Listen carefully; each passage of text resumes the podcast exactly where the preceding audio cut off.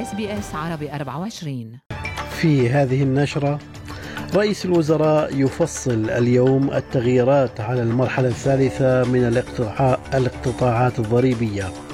السلطات في كوينزلاند تؤكد أخذ كل الاحتياطات قبيل وصول الإعصار كيرلي إلى اليابسة. وموسكو تطلب جلسة طارئة لمجلس الأمن الدولي بعد إسقاط طائرة عسكرية روسية.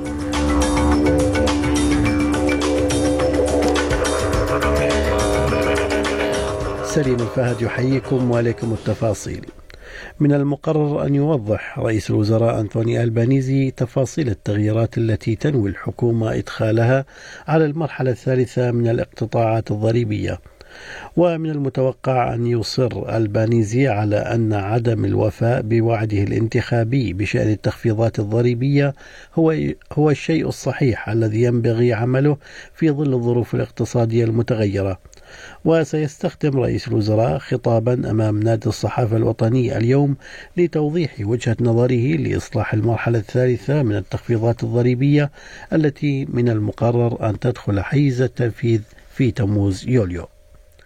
حثت السلطات سكان شمال كوينزلاند من آير إلى ماكاي بما في ذلك جزر ويتساندي على الاستعداد للإعصار الاستوائي كيرلي ومن المتوقع أن تهب رياح تصل سرعتها إلى 120 كم في الساعة على جزر ويتساندي والمناطق الساحلية بين تاونزفيل وسانت لورانس بينما يتجه الإعصار نحو الساحل. ويتوقع مكتب الأرصاد الجوية أن يعبر الإعصار الساحل كإعصار من الفئة الثانية بين تاونزفيل وآير مساء اليوم الخميس أو في وقت مبكر من صباح غد الجمعة. وقال رئيس حكومة كوينزلاند ستيفن مايلز, إن المناطق التي من المحتمل أن يضربها إعصار كيرلي مستعدة قدر الإمكان. Uh, these are parts of the state that are well accustomed to cyclones of this intensity, and uh, their mayors have confirmed with us that they are ready and well prepared. Tropical cyclone impacts are likely to begin from tonight, particularly in the Whitsunday Islands. After the cyclone crosses the coast, it's likely to weaken to a tro- tropical low, but ha- have very high levels of rainfall associated with it. And so, depending on its path, that rainfall is likely to cause flooding in parts of the state. تجاوز عدد سكان أستراليا عتبة ال 27 مليون نسمة حيث فاق عدد المواليد والمهاجرين الذين يصلون إلى أستراليا عدد الوفيات والمهاجرين العائدين إلى بلدانهم. واحتفى مكتب الإحصاء الفيدرالي بهذه اللحظة. قائلا إن عدد السكان ينمو بمعدل شخص واحد كل خمسين ثانية. كشف وزير الخارجية الروسي سيرجي لافروف أن روسيا دعت إلى عقد جلسة طارئة لمجلس الأمن الدولي لبحث, لبحث حادث تحطم الطائرة الروسية. واتهمت روسيا أوكرانيا بإسقاط طائرة نقل عسكرية كانت تقل 65 أسيرا أوكرانيا عمدا في إطار تبادل أسرى. ووصف الحادث بأنه عمل إرهابي همجي أدى إلى مقتل 74 شخصا. ويقول لافروف أن ما حدث كان عملا إجراميا من جانب أوكرانيا. About the downed IL 76 military transport aircraft and the reasons why the Ukrainian side committed this criminal act. We are now establishing the facts. The first messages that came out were that immediately after the plane crashed, after being fired at from anti aircraft guns, the Ukrainian side announced its next victory, another victory for the valiant armed forces of Ukraine. من جانبها ردت أوكرانيا بالقول إنه لم يطلب منها ضمان أمن المجال الجوي حول منطقة بيغورد في جنوب روسيا كما كان الحال خلال عمليات تبادل الأسرى الحرب السابقة مع موسكو.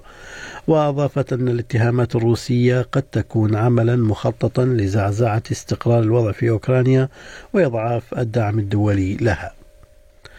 تتقدم المفاوضات بشأن وقف إطلاق النار لمدة ثلاثين يوما في غزة مع استمرار إسرائيل في هجومها العسكري على مدينة خان يونس جنوب القطاع.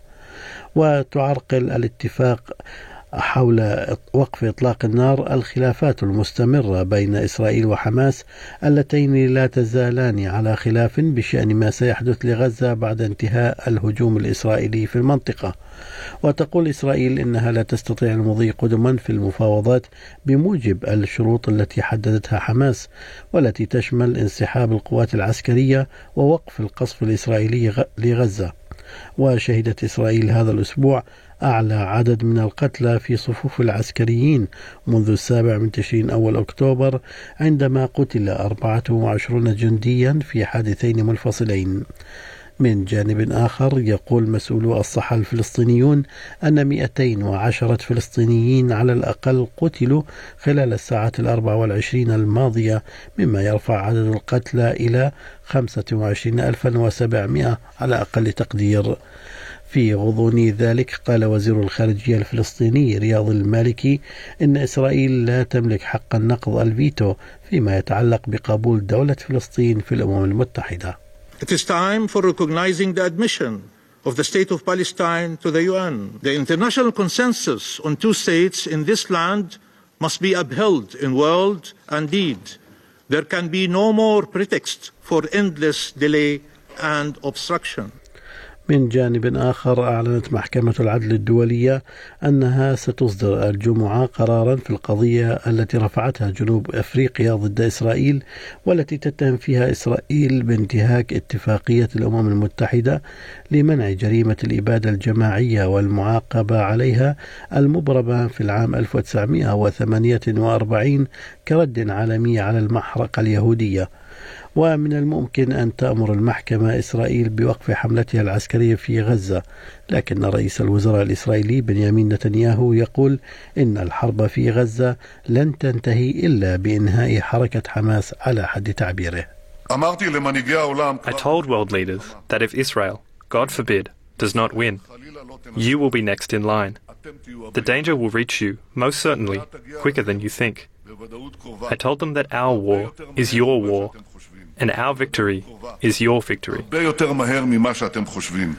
وفي شأن ذي صلة أعربت الولايات المتحدة عن أسفها للهجوم الذي استهدف ملجأ أقامته الأمم المتحدة للنازحين في خان يونس بجنوب قطاع غزة وأدى إلى مقتل تسعة أشخاص ودعت إلى حماية مواقع الأمم المتحدة ويشير مراسل SBS عربي 24 في نيويورك محمد السطوحي إلى وجود بعض الخلافات بين واشنطن وإسرائيل حول الوضع في غزة. الخلافات الجوهرية مرتبطة أساسا بمستقبل قطاع غزة، بمعنى إن واشنطن قالت إنها ترفض عودة الاحتلال، ترفض التهجير القسري للسكان وإن كان حتى في هذا التصريح أشارت إلى إنه إذا كان هناك رغبة لدى بعض الأسر في الهجرة الطوعية فإنها لن تعترض على ذلك، هذا أيضا أثار بعض الشكوك فيما إذا كان الموقف حازما بالنسبة لهذا الموضوع. قال براد باندوتشي الرئيس التنفيذي لمتاجر وولورث إن الشركة لا تحاول إلغاء يوم أستراليا في محاولة منه في الدفاع عن قرار عدم تخزين المنتجات الخاصة بالاحتفال بهذا اليوم. وأضاف أن القرار هو قرار تجاري بحت وأن تخزين البضائع لم يعد منطقيا من الناحية التجارية.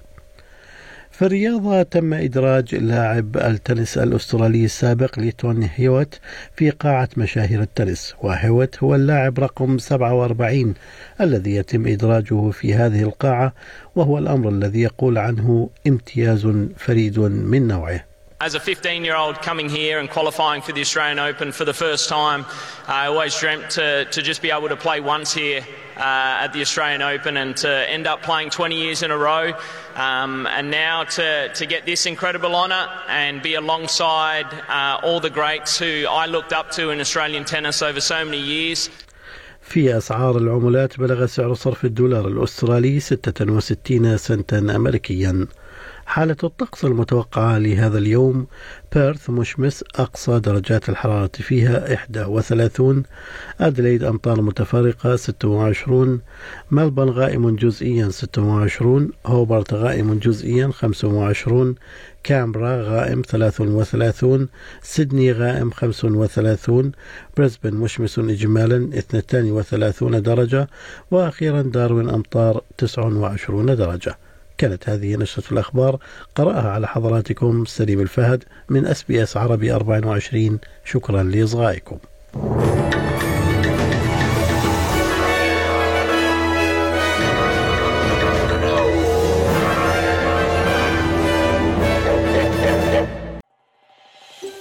هل تريدون الاستماع إلى المزيد من هذه القصص؟ استمعوا من خلال Apple Podcast، Google Podcast، Spotify أو من أينما تحصلون على البودكاست.